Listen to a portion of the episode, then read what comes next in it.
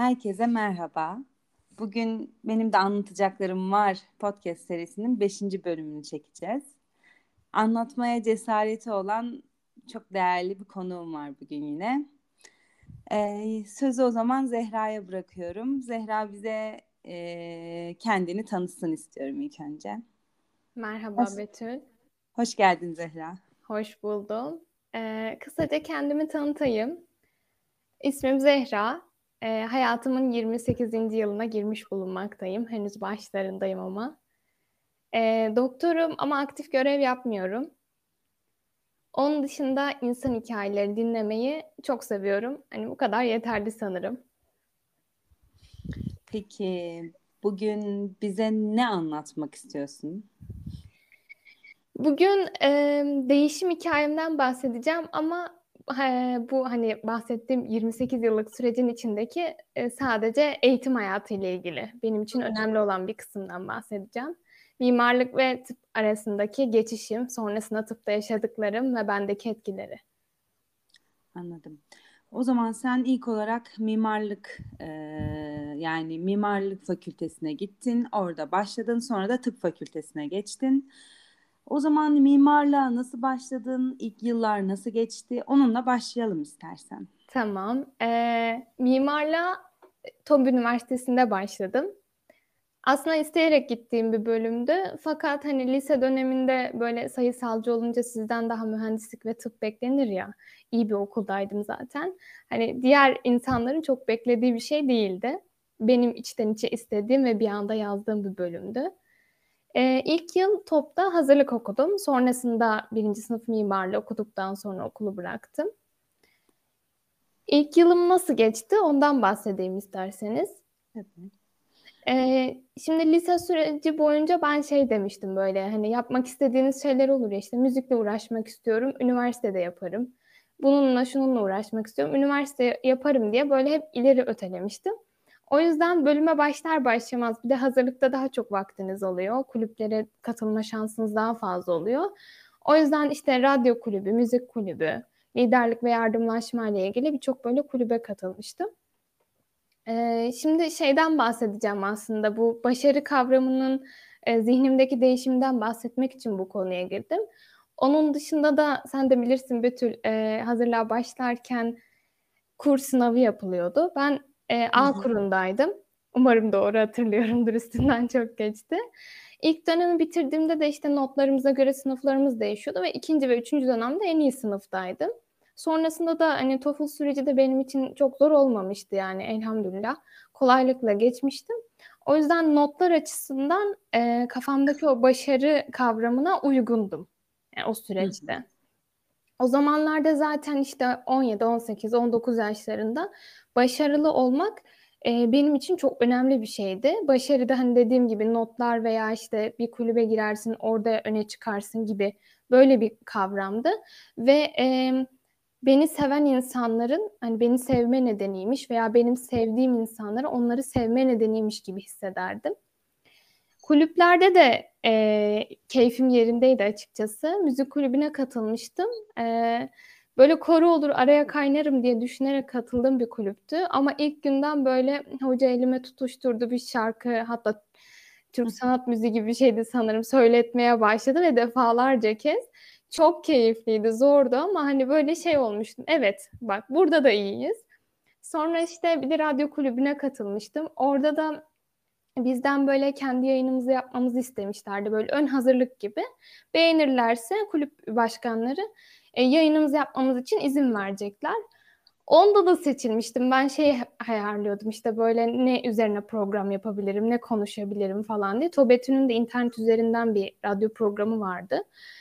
Ee, o da güzeldi. Liderlikle ilgili de okul dışında bir şeye katılmıştım. YGA diye bir şeydi. O zamanlar böyle koridorda falan görüp başvurduğum bir e, kulüp değildi aslında da topluluk gibi bir şey. E, orada hem yardımlaşma hem de liderlik eğitimi alınıyordu ve çok aşamalı süreçten geçiyorsunuz. İşte önde bir sınavı var internet üzerinden sonra mülakatı var. Mülakat sonrası tekrar sınavı var falan. Onu da geçmiştim. Ben kulübe falan da katılmıştım. Dediğim gibi yani böyle planladığım her şey yavaş yavaş olmaya başlamıştı. Başarıyla devam ediyorsun şu an. Aynen hazırlık için evet yani çok keyfim yerindeydi. Sonra mimarlığa başladım. E, mimarla başladığımda ilk zamanlarda hatırlıyorum böyle bir gün şey demiştim. Evet yani tam istediğim bölüm buydu. Yani Zehra çok doğru bir tercih yapmışsın demiştim. Çünkü ben öğrenmeyi ve üretmeyi çok seviyorum. Zaten hani bu bölüme ilgim de o yüzden oluşmuştu. Kendim öğrenip hani bir tasarım ortaya çıkarmayı çok böyle hevesle istiyordum. Hani müfredattır, zorunlu derslerdir. Bunlardan hiç hoşlanmıyordum. O yüzden e, mimarlıkta hani benim gözümde öğrenmenin ve üretmenin ucu açıktı. Hissettiğim buydu ama sonradan fark ediyorsunuz e, iş yapabilmeniz için beklentiler projenizi şekillendiriyor. Bu beni biraz rahatsız etmişti. Çünkü orada bir müşteri ve hani sunan kişi var. O yüzden müşteriye beğendiremezseniz sizin o şekilde düşünmeniz bazı durumlarda pek bir işe yaramıyor. Böyle hissetmiştim. Sonrasında hocalarımızdan da böyle dinlediğim şeylerden. Ee, ama ile, yani ben bir dönem okudum mimarlığı. Hani bir yıl okula sonrasında okula gitmedim. Bir yıl boyunca mimarlık öğrencisi olarak gözüktüm ama o yüzden bir dönem okuduğum için şimdi mimar arkadaşlarım kızmasınlar. Sonrasında ne olduğunu ben de çok bilmiyorum. Yorum yapamayacağım. Umarım onlar özgürce istediklerini yapmışlardır. Peki bu tıp fakültesine geçme kararını sence ne tetikledi? Ee, ben çok böyle bir iş yaparken veya iş yapmadan önce çok sorgulayan bir insanım Betül. Ee, hem faydalarını hem ben neden yapıyorum, bu iş bana ne katıyor veya ben bu işle insanlara nasıl faydalı olabilirim diye çok düşünürüm. Mimarlıkta böyle proje yaparken de çok fazla düşünüyordum. Hani ben bu işi neden yapıyorum? Bu iş neye yarayacak veya yıllar sonra beni ne bekliyor? E işte biraz da şey olmuştu fakülteyi seçerken ki görüşlerim ve e, böyle inanç sistemimle mimarlığa başlamam arasında böyle değişimler yaşamıştım. O yüzden ileriye dönüp baktığımda ben çok iyi bir mimar olmak istiyorum. Hani böyle bir hedefim var. Ee, olmak istediğim yere gelmem için girmem gereken bazı şartlar ve e, ortamlar varmış gibi hissettim. Ve oralarda olmak istemedim. Dediğim gibi hani kime neye faydası var, bana ne katıyor, ne için yapıyorum diye sorduğumda böyle bir rahatsızlık duymaya başladım ama bu rahatsızlığı duyarken proje yapmaya devam ediyorum. Yani okulun son gününe kadar e, bunu düşünsem de şey yaptım yani hep projemi devam ettirdim. Anladım. Peki orada tıpa geçme kararı verildi. Tıp fakültesine geçildi. İlk yıllar nasıldı? İlk zamanlar nasıldı? Nelerde zorlandın? Nasıl geçti? Ya tıp fakültesi benim için çok tuhaf bir fakülteydi. Herkes hani dışarıdan hani zor görünen bir fakülte ama içine girince daha zormuş. Ben bunu fark ettim. Ee, bir arkadaşım şey demişti, sen oraya giderken zor olduğunu fark etmemiş miydin? Ha, fark ettim ama cidden içine girmeden bilebileceğiniz şeyler değilmiş. Ee, ilk başta beni en çok zorlayan şey müfredat sistemi, lise 5 gibi program olması, işte her gün lise gibi okula gidiyoruz. Ee, çok fazla sınav var, çok fazla ezber var ve e, ben bunları yapmayı sevmiyorum zaten. Hani bir şey öğrenmeyi seviyorum ama tıpta daha çok tabii ki yaratılmış bir şey üzerinden gittiğiniz için olan bilgiyi önce öğrenmeniz gerekiyor. Daha sonra onun üzerine hani zihin jimnastiği yapmanız gerekiyor. Ama olan bilgi çok fazla ve gün geçtikçe keşfediliyor yani. Buradan bilim adamlarına sesleniyorum. Keşfetmeyin artık. ee, orada işte başarısızlık sürecim tıp fakültesiyle başladı. Çünkü bir yandan okulla savaşıyorum. Ee, okulda değiştirdim, ilde değiştirdim. Ee, arkadaşlarım yok, eskisi gibi bir ortamım yok. Bir yandan hani notlarla, derslerle savaşıyorum. O yüzden şöyle hissetmiştim. Öyle kendime olan güvenim, inancım, Böyle sevgim böyle zayıflamaya başlamıştı. Beni böyle destekleyen, besleyen bir kulüp gibi bir durum da yoktu. Aslında hani üniversitenin vardır ama tıp fakültelerinin böyle ne saatleri uyuyor ne işte dersleri uyuyor. O yüzden çok katılamıyorduk. O da beni çok strese sokuyordu. Yani böyle hani bazen daralırsınız ama bir yere gidip ferahlarsınız. O yüzden onu yapma süreciniz ilerler ama daralıyordum fakat ferahlayamıyordum. Zor bir süreçti benim için. Ee, ilk başladım böyle ilk yıl büte kaldım. Ee, sonra işte bütten de az daha hani sınıfta kalıyordum. Tıpta da sınıfta kalmak demek bir yılı tamamen tekrar etmek demek. Hani alttan ders alma, üstten ders alma gibi bir durumumuz yoktu. Neyse o yılı atlattık. İkinci yılda ben büte kaldım. Artık böyle hani şey yani benim zekamda bir problem var. Hiçbir şey anlamıyorum. Artık böyle düşünmeye başlıyorsunuz. Birçok tıpçı arkadaş bunu düşünmüştür eminim.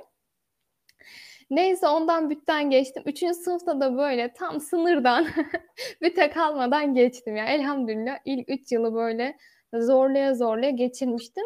İlk üç yılda bizim e, temel derslerimiz e, çok ağırlıkta oluyor. O yüzden biraz sıkıcıydı açıkçası. Hani hastane hasta veya aktif olarak çok bir şey yapmıyorduk. Sadece hani notlarımız var, ezberliyoruz, sınavda yapmaya çalışıyoruz gibiydi. Çok sıkıcıydı yani. Aslında çok sıkıcı olmasını anlayabiliyorum. Çünkü hani mimarlık fakültesine başladığın okulda hani bir sürü kulübe gidiyorsun, değişik hobilerin var, sosyal aktivitelerin var vesaire. Bir tık da rahat e, tıp fakültesine göre yani çok da fazla zamanını belki almıyor. Başarıyla da devam ediyorsun. Sonra bir anda daha az sosyal hayatın oldu. E, herhangi bir şekilde hani dedin ya daralıyordum ama ferahlayan. Hı hı.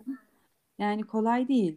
Peki bu dersler bitti sanırım dördüncü sınıftan itibaren poliklinik deneyimleri başlıyor değil mi? Evet aynen o şekilde. Şimdi bu süreçte bu başarısızlık kavramı benim biraz değişti. Ondan bahsedeyim. Hı hı. Başarı ve sevgi arasında bir bağ kurmuşum. Onu fark etmiştim birinci sınıfta. Yani hani başarılı olduğum için seviliyorum. Ya da işte e, akıllı olduğum için, söz dinlediğim için seviliyorum gibi. Hani böyle belli kavramlar vardır ya. Hani şöyle çocuk ol, böyle uslu ol. E, sevgiyi bunlara çok bağladığımı fark ettim. Ama e, daha sonra kendimi, çabalarımı olan ve olmayan şeyleri böyle gördükçe benim Zehra olmamla alakalı çok da derin bir bağ olmadığını fark ettim. Yani bu yüzden sevilmiyordum veya bu yüzden sevmiyordum. O yüzden e, bu bakış açım, kendime olan bakış açım değiştiği için insanlara olan bakış açım da değişti. Bu benim için çok faydalıydı. Yani sınıfta kalmanın işe yarar bir e, kısmı da olabiliyor belki. Oranın bir oraya bir dönmek istiyorum. Tabii. Yani şöyle bir temel mi? Başarılı olan sevilmeye layıktır, değerlidir gibi bir temel mi? Bir kabul mü? Sence? Yani layık olarak mı düşündüm bilmiyorum ama çocukluğumdan itibaren e, hani kızılmasın, bana kızılmasın diye hep doğru eylemleri yaptığımı, e, derslerime çok düzenli çalıştığımı, hani annem babam bana hiç böyle ders çalış dediklerini hatırlamıyorum. Keyif alırdım. O ayrı bir mevzu ama hani başarılı olmakla o sevgi yoğunluğu arasında bir ilişki olduğunu düşünürdüm. Hani ilkokul öğretmenleri de yapar ya işte başarılı çocukları her şeye başına koyarlar. İşte bir kulüp vardır onun başına koyarlar. Hatta bizim bir halk oyunları ekibimiz vardı. Dördüncü sınıftık sanırım. Ona bile böyle çalışkan öğrencileri koymuştu. Yani bu benim kendi kendime oluşturduğum bir şey değildi muhtemelen. Dışta, dıştan gelen bir şeydi. Hani tembel olmak ve başarılı olmak arasında böyle bir e, sevilme veya işte e, seni iş görmeye layık görme gibi bir kavram oluşmuş zihnimde. Yani 18 yıl. Ya aslında o söylediğin çok doğru. Öyle bir kodla büyütülüyoruz yani. Başarılı olanın daha çok rağbet gördüğü, her türlü daha çok sayıldığı, sevildiği. Dolayısıyla da çok e, ilginç değil yani öyle bir kabul. Evet, bu kavramı kırmak bana çok iyi geldi ama e, kendimle çok e, savaşmam devam etti. Hani o zekamda bir problem mi var sorusunu uzun yıllar sormuşumdur. E, ama elhamdülillah şimdi çok daha iyi hissediyorum. Peki tıpın yani tamam bunlar dersleriydi. Hani Hı-hı. öğrenmesiydi, ezberiydi, şuydu, sınavıydı. Peki insanlarla iletişim yani doktorluk mesleğiyle alakalı poliklinik deneyiminde neler oldu? Onu da yani ee, polikliniğe biz dördüncü sınıfta ve beşinci sınıfta gözlemci olarak katılıyoruz. Daha yoğunluklu olarak dörtteyiz sanırım. Çünkü dahiliye pediatri gibi büyük stajların olduğu bir yıl. Ee, bir yandan dersleriniz full devam ediyor. Bir yandan poliklinik ve serviste hem gözlemcisiniz hem de işte e, size hasta veriyorlar. Onun hikayesini alıyorsunuz. Nasıl olmuş, neden gelmiş gibi ya da neler yapılmış tedavide. Bunları da öğrenmeye çalışıyorsunuz ve hasta ve hasta yakınından e, öğreniyorsunuz bunları. Yani bu iletişimi sağlamanız gerekiyor. E, tıpa başladığımda e, sınıf, beşinci sınıf şeylerinde de böyle ortak çalışmalar oluyor.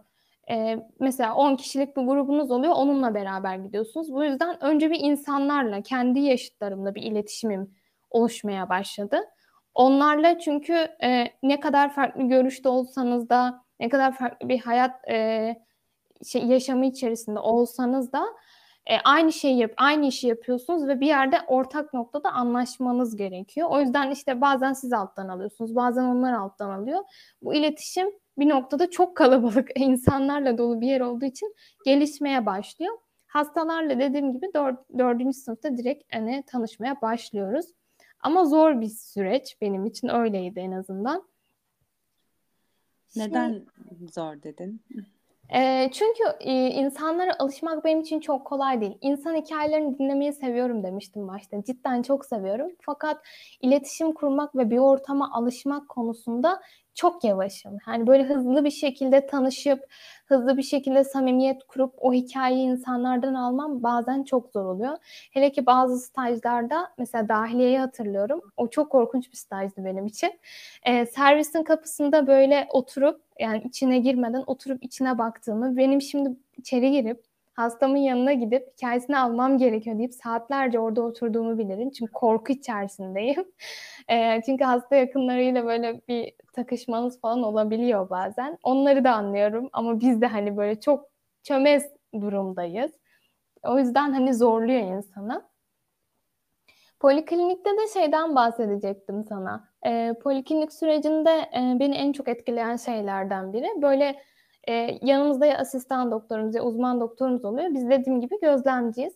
O sırada hani tabii ben hayal dünyama da dalıyorum neler oluyor diye bakıyorum. E, ve şunu fark etmiştim. Biz orada sabit duruyoruz ve karşımızda böyle bin bir çeşit insan geliyor. Kimi yaşlı, kimi genç, işte kadın, erkek. Hani böyle her birinin bize bakışı farklı, bizden beklentileri farklı ve tavrı farklı. Bu beni çok etkilemişti. Çünkü e, hayatta birçok insan benzer şeylerle karşılaşıyor ve hepsi kendi içinde olanla e, tepkisini veriyor buna. Ve e, ben o bunu o poliklinik günlerinde fark etmiştim. İşte bir cümleden, bir resimden, bir olaydan anladığımız şeyler ne kadar farklıysa bir doktordan yani esasında insan olarak anladığımızda farklı oluyor. O zaman demiştim ki hayır herkes senin gibi düşünmüyor. Düşünmek zorunda da değil. Herkes senin yaşamına benzer yaşamıyor e, ve herkes senin büyüdüğün değerlerde büyümedi. E, herkesin kendine has ve özel bir durumu var. Aslında buradan itibaren de insanlara karşı eleştirme şeyini azaltıyorsun, daha temkinli ve anlayışlı yaklaşmaya başlıyorsun. Bu da benim ikinci değişimim olmuştu aslında başarıdan sonra. insanları yargılamamak üzerine e, ilk adımlarımı atmaya atmaya başlıyordum.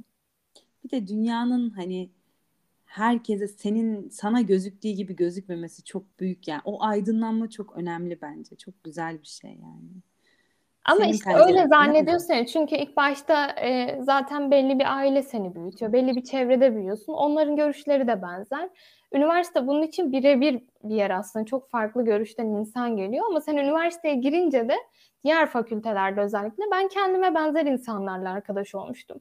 Ama tıp fakültesinde bu mümkün değildi yani ya e, numaralarımıza göre sıralıyorlardı ya işte listeyi bölüyorlardı. Hani rastgele herhangi biriyle hani çok gıcık da olabilir, çok sevimli de olabilir. Herhangi biriyle anlaşmak ve o işi yürütmek zorundasınız.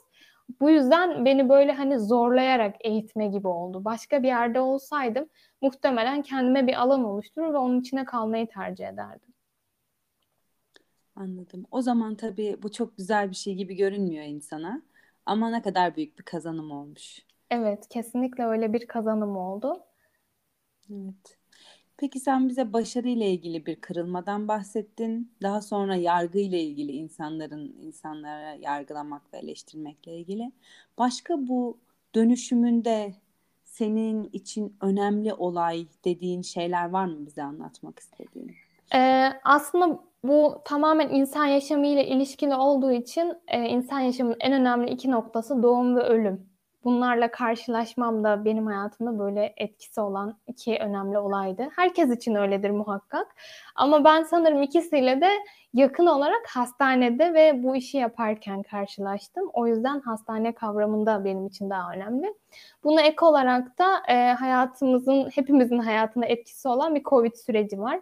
O da e, özellikle benim e, geleceğe dair planlamalarımda çok büyük e, farklılığa yol açtı. İstersen önce doğumdan başlayalım. Tabii. E, doğumu ilk defa dördüncü sınıfta bir normal doğuma şahit olmuştum. E, üniversite hastanesi olduğu için bizde genelde sezeryan doğumlar oluyor. O yüzden normal doğum gözlemlemek için hani böyle haber verdiler normal doğum olacak. Biz annenin yanına gittik ve saatlerce bekliyoruz doğursun diye böyle ailesi gibi. E, çok değişik bir süreçti. Yani e, orada annenin yaşadıklarını görmek de çok tuhaf. Genç bir anneydi yanlış hatırlamıyorsam. E, annenin işte böyle doğuma kadar geçirdiği sıkıntılarla beraber çocuğuyla ilk karşılaşma anda sanki böyle bir anda tüm sıkıntıları geçmiş gibiydi Betül. Çok ilginç bir anda. Bir anda yavrum falan demeye başladı. Sahiplendi. İşte bebeği doğduktan sonra annesine böyle gösteriyorsunuz, yanına götürüyorsunuz. O anki böyle e, kurduğu bağ beni çok etkilemişti. E, ben de şey derim hep. Ne zaman uzun süreli böyle zorluklarla geçen bir süreç olsa ben de bak Zehra bu hamilelik gibi bir süreç doğum e, gerçekleşecek ve güzelliklerle karşılaşacaksın derim. E, hatta okulu bıraktığımda işte Ocak ayı gibi bir şeydi Betül. E, açıklandığında da nereye gideceğim? Eylül gibi bir şeydi işte 9 ay falan oldu bak doğuruyorum sonuç açıklanıyor falan diye düşünmüştüm. E, burada hani anne olarak her doğum tabii ki çok kolay geçmiyor.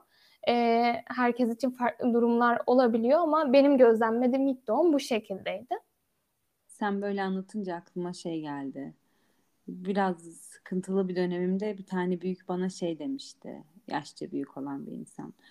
Ee, her doğum sancılı.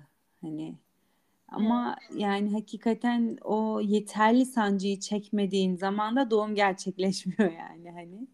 Böyle çok güzel geldi. Aslında hayatın en büyük gerçeği. Hepimiz onunla geliyoruz ama tabii insan belli, Kesinlikle belli öyle ve şeydir yani hani doğumun belli başlı bir normal süresi vardır. Erken doğum da sıkıntıdır, geç de.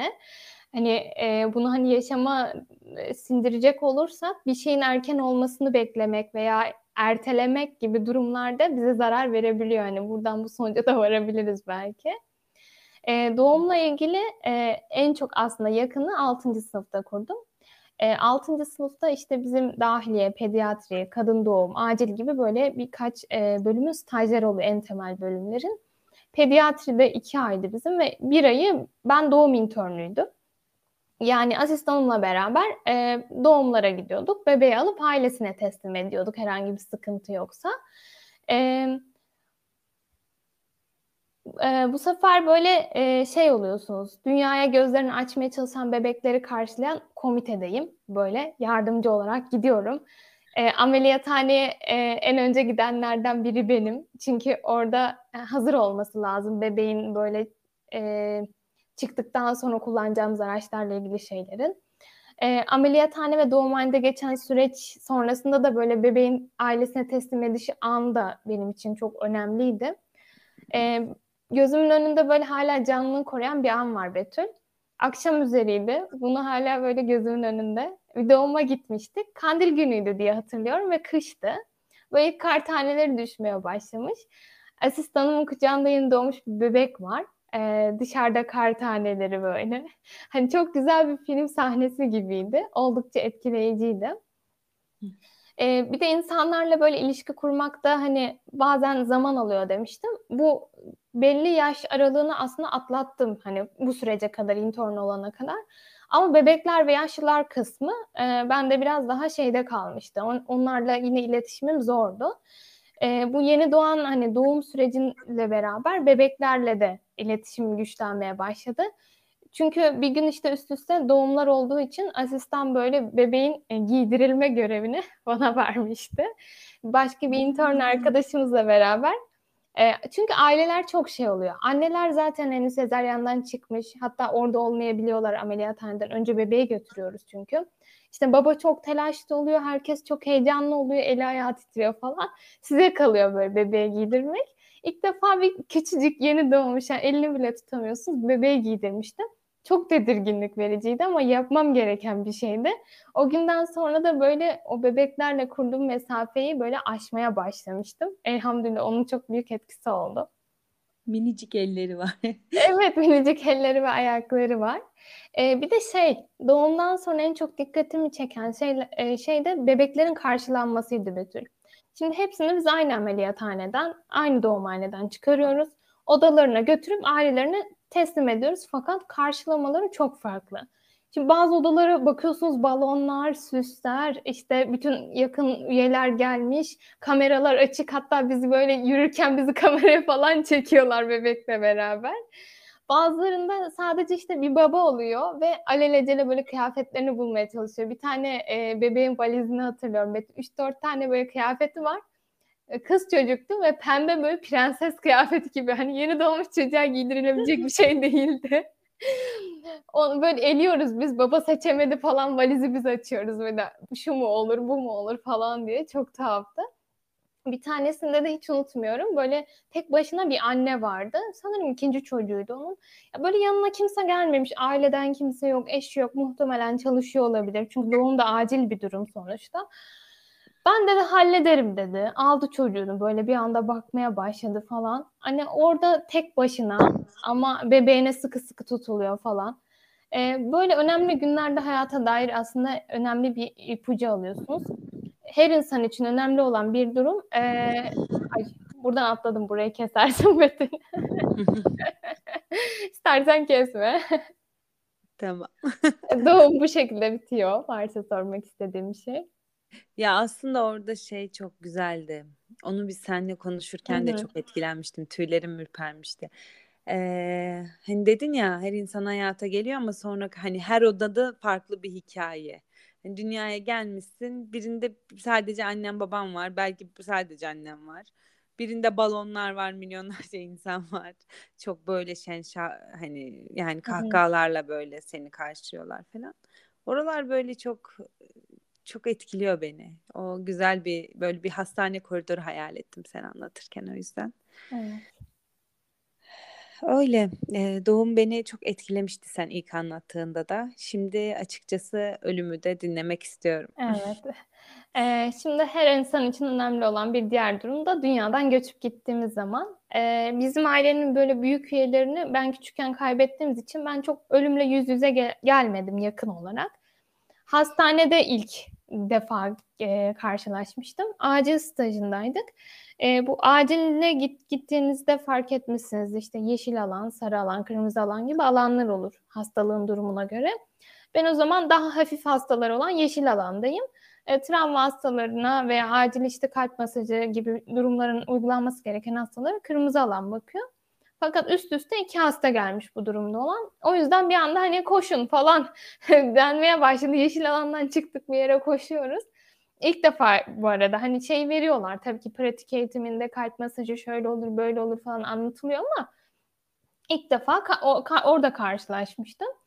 Ee, daha sonra işte hastanın başına gittik. Ee, ben biraz daha ufak tefek olduğum için arkadaşlar böyle şey yaptılar. Hani biz kalp masajına geçelim sen ambuya geç.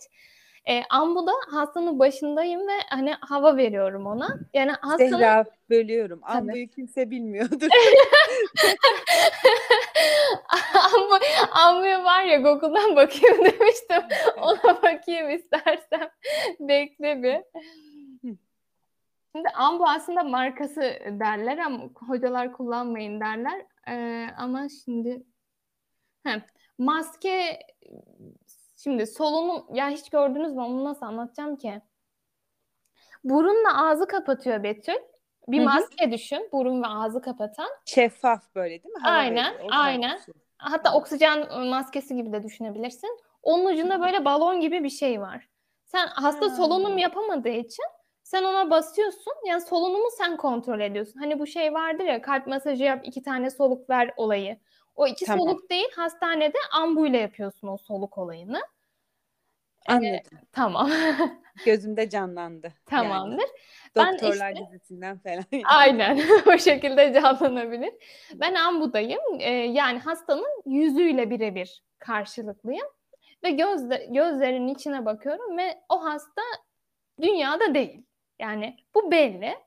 İşte kalp masajının bir süresi var yani tıbbi olarak öldü diyebilmen için. O yüzden hani o süre bitene kadar e, şey yapıyorum. Yani göz göze olduğum biri var.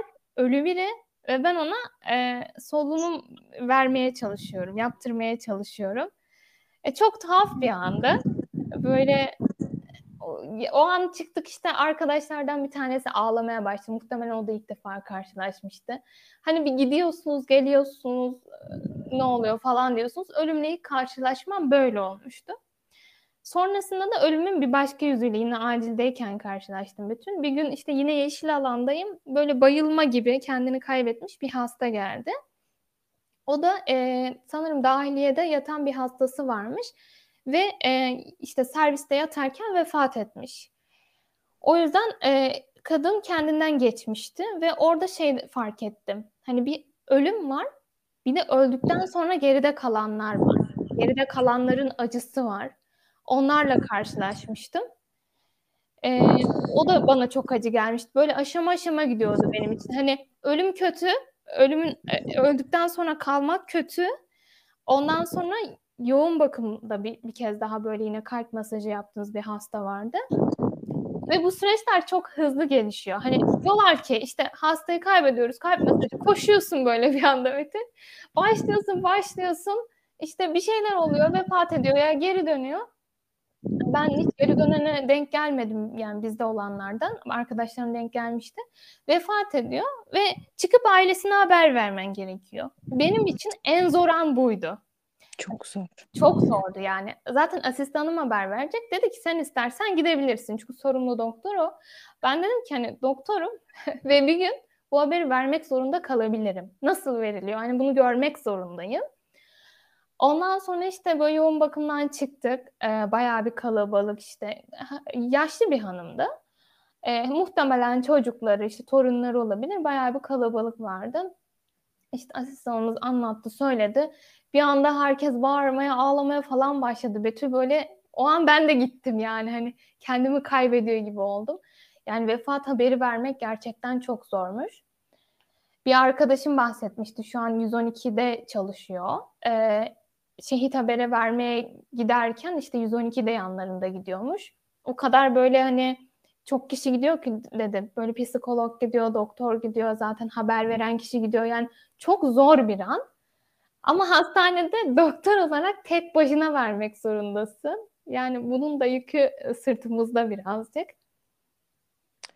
Bence en zor yani Evet. en zor alanlardan biri sanki. Yaptığınız işin en zor kısmı gibi düşünüyorum. Öyle maalesef. Ee, şimdi bu ölüm kısmından sonra Betül, e, şimdi yüzleştim. E, tabii ki sindirmek çok zaman alabiliyor. Hala da sindirmeye çalışıyorumdur muhtemelen. Vefat haberi de e, zor geldi. Fakat tüm bunlardan sonra stajım değişti ve dahiliye stajındayım. Orada da e, palyatif servisine düştüm. Palyatif serviste daha çok böyle bakıma düşkün hastaların, yaşlı hastaların, evde bakım hastaları olur ya, onların hani enfeksiyon olduğunu düşün, hastaneye getirildi. Durumlar ya da yatalak hastalar işte yatak yaraları falan var. Yani çok zor durumda olan hastaların olduğu bir yer. Ben de oraya düşmüştüm. Ee, ondan sonra e, böyle onlarla ilgilenirken şöyle bir hayatınıza bakma fırsatınız oluyor. E, diyorsunuz ki yani bir, bir ana bakar. Yani elinizdeki her şeyi kaybetmeniz o bir anda yani şu an varım, şu an konuşabiliyorum ama bir an sonra konuşamıyor olabilirim. Hatta şu daha da kötü. Bilinciniz yeriniz, yerinde ama elinizi oynatamıyorsunuz, ayağınızı oynatamıyorsunuz. Her tarafınızda yara var. Yani yakınlarınız bir şekilde yardım etmeye çalışıyor ama muhtemelen hani onlar da bir noktadan sonra ofluyor, pufluyor. Bir de bu için, içinizi sıkıyor. Çünkü ruhunuz orada, zihniniz orada, bedeniniz orada. Sadece istemli olarak hareket et, ettiremiyorsunuz. O zaman şey demiştim yani. Tüm ölüm şeyleri gitti benden. Allah dedim ölümün de hayırlısını versin. Yani bir yakınız güzel bir şekilde vefat ediyorsa hani tabii ki ölümden sonra bir üzülürsünüz ama böyle bir zorluk yaşamadığı için böyle şükrederek belki uğramak gerekiyor. Ondan sonra da işte bu ölümün eski etkisi üzerinden silinmişti. Artık vefat edenleri ve yakınlarına değil de daha çok böyle acı çekenlere, acıyla o süreci atlatanlara daha fazla üzülmeye başladım böyle hayatın gerçeklerini böyle kabulle yavaş yavaş ilerleyip hani bu da olacak zaten. Bu da hakikat zaten. Hı-hı. Ama bunu bu da böyle hani en doğal yolla Hani en rahatıyla, en hayırlısıyla olsun şeklinde. Kesinlikle. Ya ondan sonra şey olmuştu böyle e, ailemle mesela kavga ettiğimde ya da bir şeye sinirlendiğimde eskiden daha öfkeli, daha hani sert belki bir tepki veriyordum. Şimdi yine bir tepki versem de Allah'ım diyorum iyi ki yanımdalar. İyi ki şu an kavga ediyoruz. İyi ki sağlıklılar falan hani böyle zor durumlara bile şükredebiliyorsunuz. Hani mesela bugün bugünlerde düşündüğüm bir şey var. Ayaklarım var, o zaman yürüyeyim. Hani e, gücüm var, kuvvetim var, bir şey yapabileyim. Konuşabiliyorum, konuşayım. Hani bunlar aslında yaşamın tadına da vardırıyor insana. Yani yaşamak aslında bunları fark ederek yapmak gibi bir şey. O yüzden hani o yöne bakışınız da değişiyor. Her gün yapabildiğiniz şeylerin kıymetinin farkına varıyorsunuz. Böyle bir hastam daha vardı Betül. Onu da örnek vereyim. Fizik tedavi stajındaydık. Felçli bir hastaydı. O da bir gün işe giderken e, bir anda işte düşüyor. Düştüğü yerden e, altı tutmuyor. Yani bacakları tutmuyordu hastanın. Genç bir hastaydı. O beni çok etkilemişti.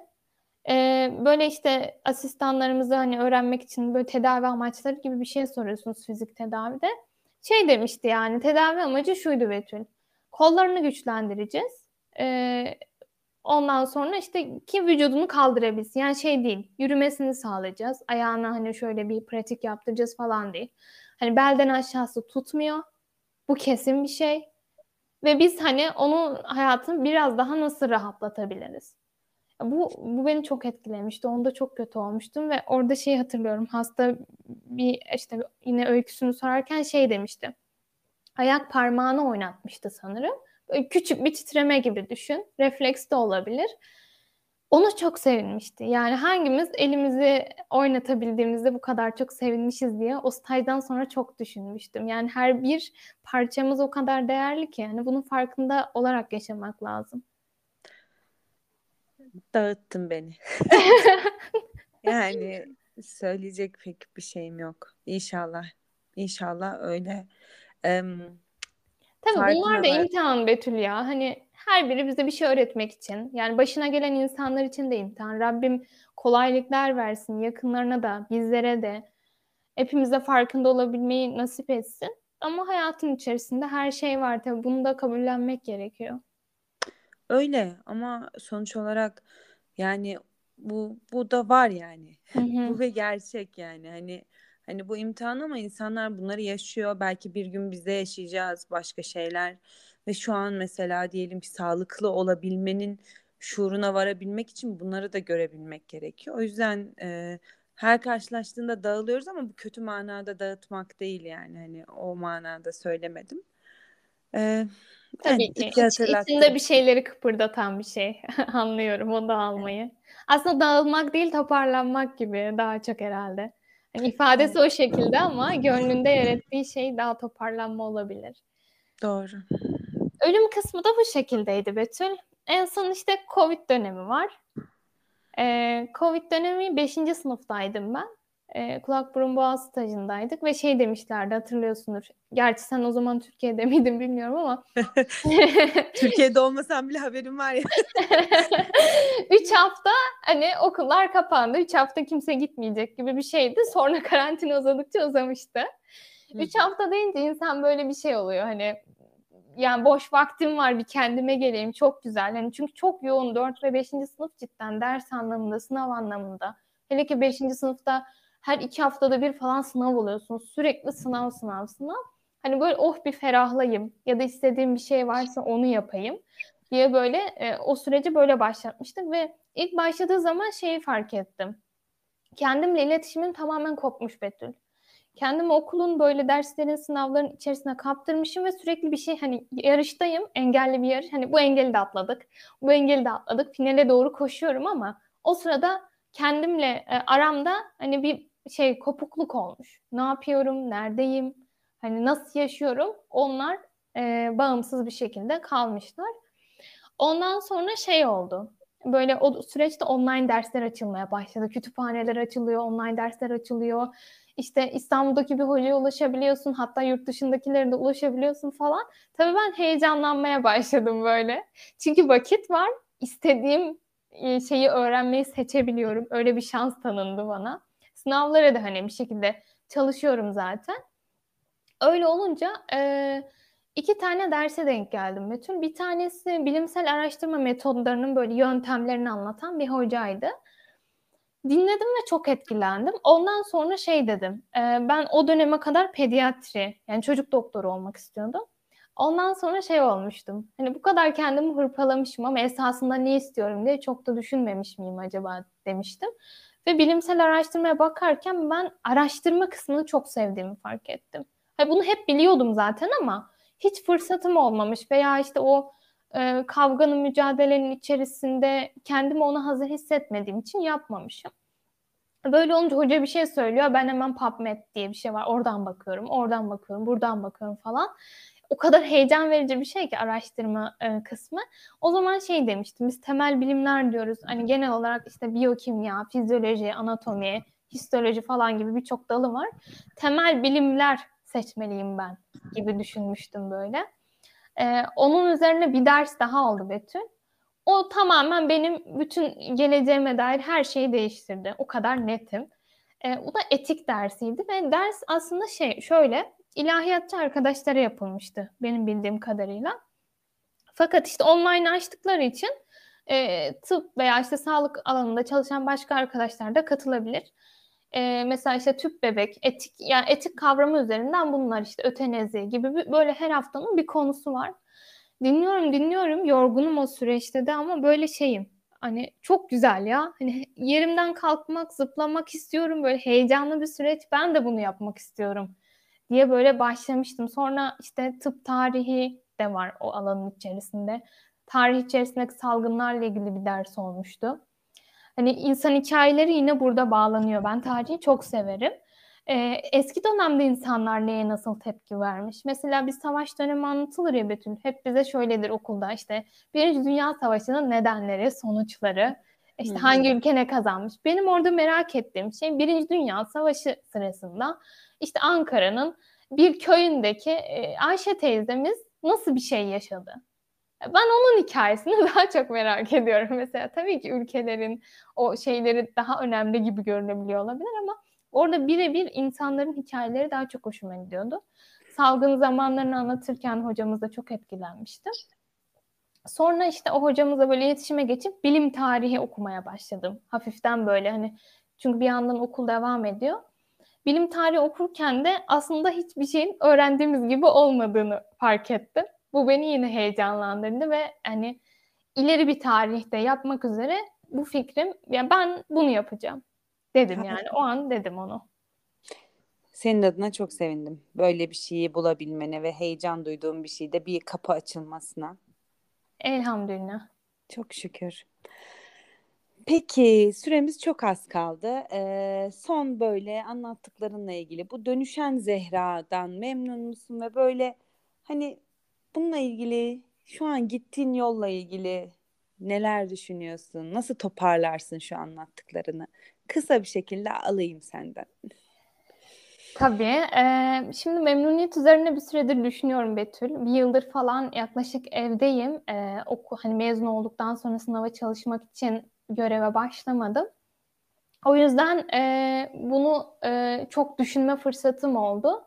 E, ve bunu hissedebilmek için hani memnuniyet olayını hissedebilmek için egzersiz, farkındalık egzersizleri yapmaya çalışıyorum. Az önce hani bahsettim ya işte e, ailem burada ve sağlıklı. Hani şu an kavga ediyor olsak bile memnunum. Yani içten içe bir gülümseme oluşturabilir bu bende. Hani e, bacağım ağrıyor ama aslında yürüyebiliyorum ve bu ağrı geçecek gibi. Hani böyle daha küçük şeylerin farkında olarak memnuniyet yani benim için öyle bir şeye dönüştü.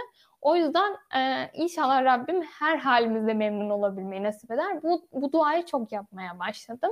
Hani bir şey olmasını beklemek istemiyorum.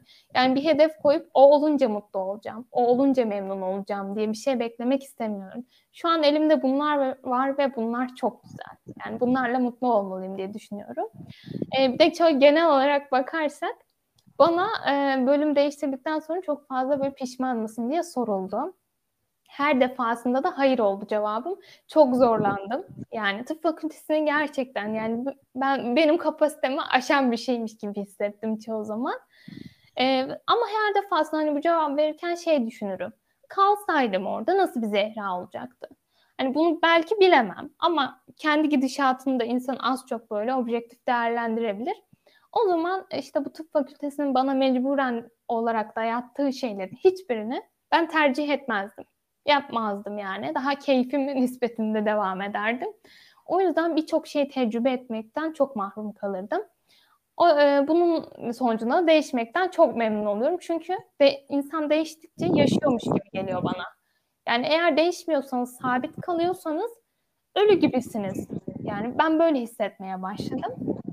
Mesela artık yeni bir işe başlarken, yeni bir ortama girerken ya da yeni biriyle tanışırken eskiden daha fazla endişe duyardım. Şimdi daha çok heyecan ve merak duyuyorum. Çünkü endişe duyduğum her şeyin altından çok bambaşka şeyler çıktı. İşte bakalım Zehra nelerle karşılaşacağız, neler olacak, yeni bir yolculuğa giriyoruz falan derdim. Bir de umarım vaktimiz vardır. Çok küçük. Ee, en çok böyle imtihanımı tevekkül etmekle ve sabırla sınırlandım. Ama bunlar dışında böyle fiziksel dünyamı etkileyen şeyler de oldu. Ben mesela uyumayı çok severim Betül. Ama e, uykusuzluğa da hiç dayanamam. Yani yere yığılırım uyurum. 24 saat nöbet aslında dayanabildiğimi fark ettim. Acil stajında yine e, yemek zorundasınız. Ben şöyle yiyorum. Normalde hani çok acıkırım ancak öyle yemek yerim. Fakat acilde insanlara bakmam lazım, güçlü olmam lazım. Şimdi yemem lazım diye kendimi motive edip e, soğuk da olsa yemek, sevmediğim yemek de olsa hepsini yiyordum. Annemden özür diliyorum buradan. Çünkü bir yemeği yani hafta içinde bile defa, e, aynı kez yemeyiz biz yani. ikinci kez yiyen bir aile değiliz. Özür diliyorum anneciğim. Ama ondan sonra tabii bunu yapmadım alıştıktan sonra.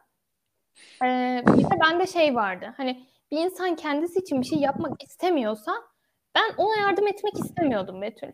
Yani ancak çünkü öyle iyileşebileceğine inanıyordum.